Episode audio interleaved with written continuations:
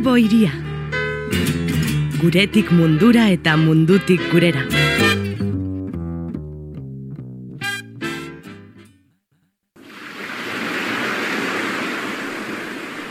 Gaurkoa lako egun batez, mila laureunda laurogeita amabiko urriaren amabian lehor eratu zen Karibeko Guarajani irlatxoan Cristobal Colón buru zuen Espainiar espedizioa.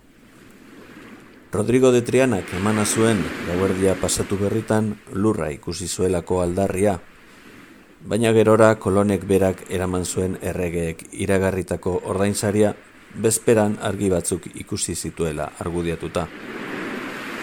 Eguna argitzerako Guanajani irlara heldu eta txalupa batean lehorreratu ziren Espainiarrak. Kolonen egunerokoak jaso zuen unearen zeremonia gerora hainbat margotan islatu eta segurazki apaindu eta puztua.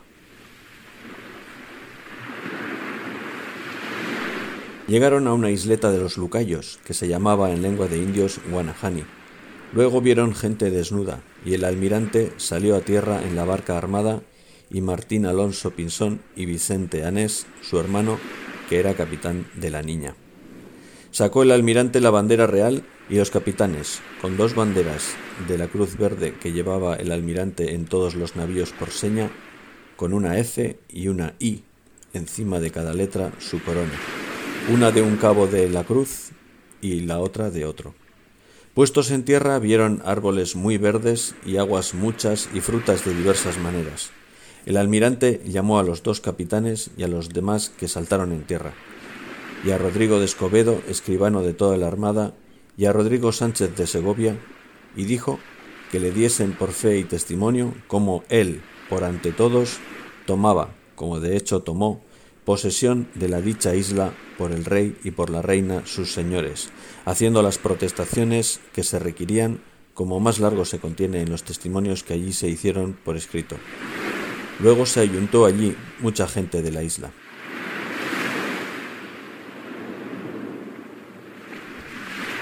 Guanajani irla gaur egungo Bahamaseko San Salvador irla zela suposatzen da.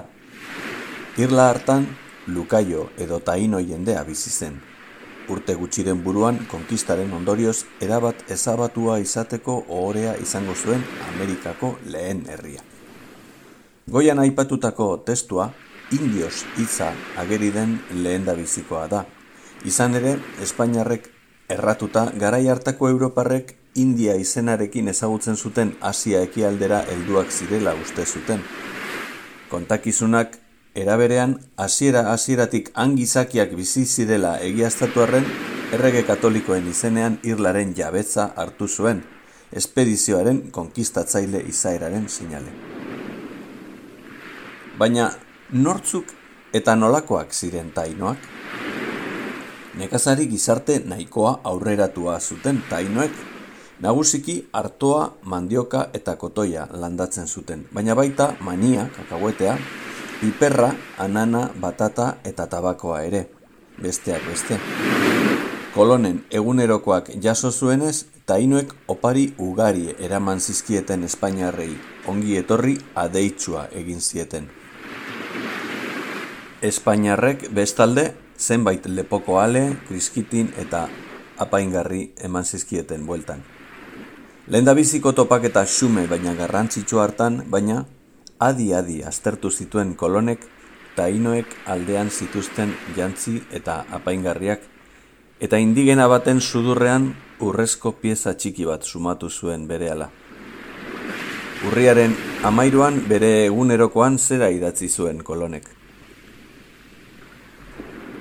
Y yo estaba atento y trabajaba de saber si había oro, y vide que algunos de ellos Traían un pedazuelo colgado en un agujero que tienen a la nariz, y por señas pude entender que yendo al sur o volviendo la isla por el sur, que estaba allí un rey que tenía grandes vasos de ello, y tenía muy mucho. Etanor zen Cristóbal Colón? Genoban jaiotako itxasgizon eta kartografoa zen, Dirutruk errege katolikoen babespean lurra biribila zela jakitun, Asiara joateko merkataritzako eta konkistarako bide berrien bila abiatu zena. Gogora dezagun hori, ondasun eta aberastasun bila abiatu zela, Cristobal Colón espedizio horretan, ez aventura bila. Gaur egun ekintzaile edo emprendedorea esaten zaiona izango litzateke, kapital arrisku ekimen batean ontziratua. Hortik, urreagatiko interes ura. Hasierako harreman adeitsua gora behera, kolonek guanajaniko biztanleak esklabu bihurtzeko asmoa izan zuen hasieratik. Horrela idatzi zuen bere egunerokoan urriaren amalauan. Vuestras altezas, cuando mandaren, pueden los todos llevar a Castilla o tenerlos en la misma isla captivos, porque con cincuenta hombres los tendrán todos sojuzgados y los harán hacer todo lo que quisieren. Jarrera meneratzaile hori, zalantzari gabe gaur egun arrazista eta supremazista moduan definituko litzatekeena izan zen gerora Espainiar konkistatzaileek Karibeko eta kontinenteko indigenekiko izango zutena eta lehendabiziko bidaia horretan bertan jarrera horren frogak eman zizkiguten kolonek eta bere gizonek. Gizonek.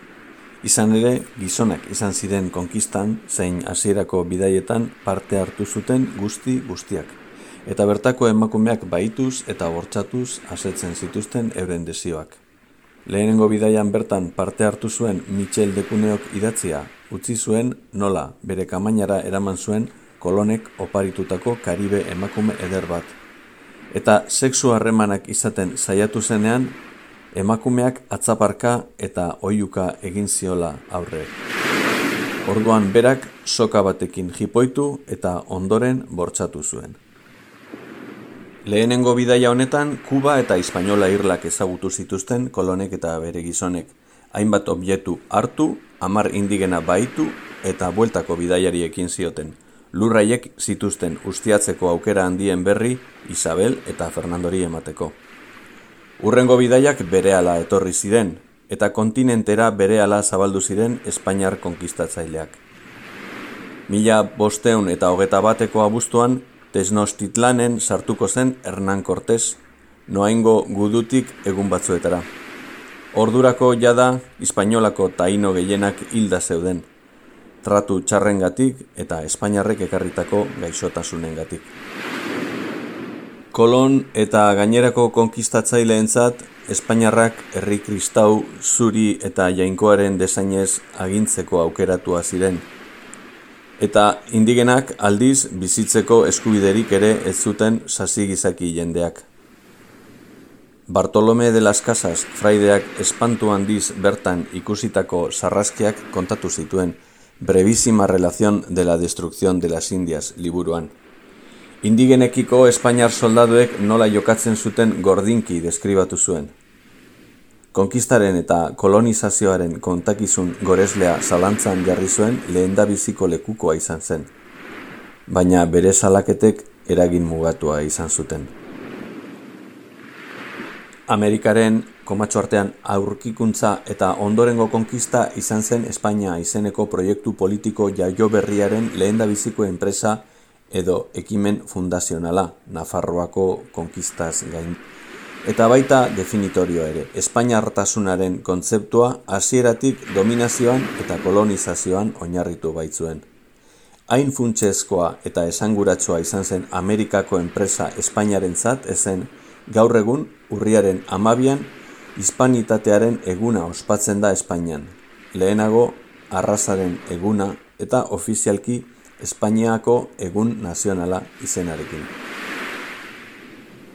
Ego Amerikako hainbat tokitan indigenen erresistentziaren nazioarteko eguna ospatzen da. Eta New Yorkeko kaleetan berriz Columbus Day da, italiarren eguna kolon italiarra zelako. Eta Euskal Herrian ere, tira, Euskaldunok laredoko ondartzan birra otzuatekin, nibea kosmetikoekin eta biza turistikoarekin ospatzen dugu, ezta? Ahaldela zubia hartuta. Azken urteotan ugaritu dira kolonekiko eta konkistarekiko azterlan kritikoak, eta konkistaren narratiba onbera edo are goraipatzailea zalantzen jartzen duten kontakizunak. Dagoeneko jauzi dira kolonen eta beste konkistatzaileen estatua ugari. Estatu batuetan general konfederatuenak jausten ari diren bezala. Mexiko hiriburuan indigena emakume baten buruak ordezkatu du kolonena. Hainbat plaza garrantzitsutan ageri dira kolon pirata moduan deskribatzen duten idaziak, horrek beste antilla batera garamatza. You can't blame the youth. Ezin diezue gaztei errua bota. Jamaikako Bob Marley and the Wailers taldearekin mila behatzireun eta irudegeta mairuan San Franciscoko estudio batean zuzenean grabatua. Peter Tosh kantari. Ez da hain kantu ezaguna. Eskoletan nagusi zen narratibari aurre egiten zion Peter Toshek berak konposatutako abesti horretan. Gazteei irakasten diezue Cristobal Koloni buruz eta gizon handia izan zela diozue. Marco Polo, Hawkins pirata, Morgan pirata buruz, gizon handia hauek egiten zuten guztia lapurtu, bortxatu, baitu eta hil. Ezin dituzue gaurko gazteak engainatu, ezin diezue errua bota.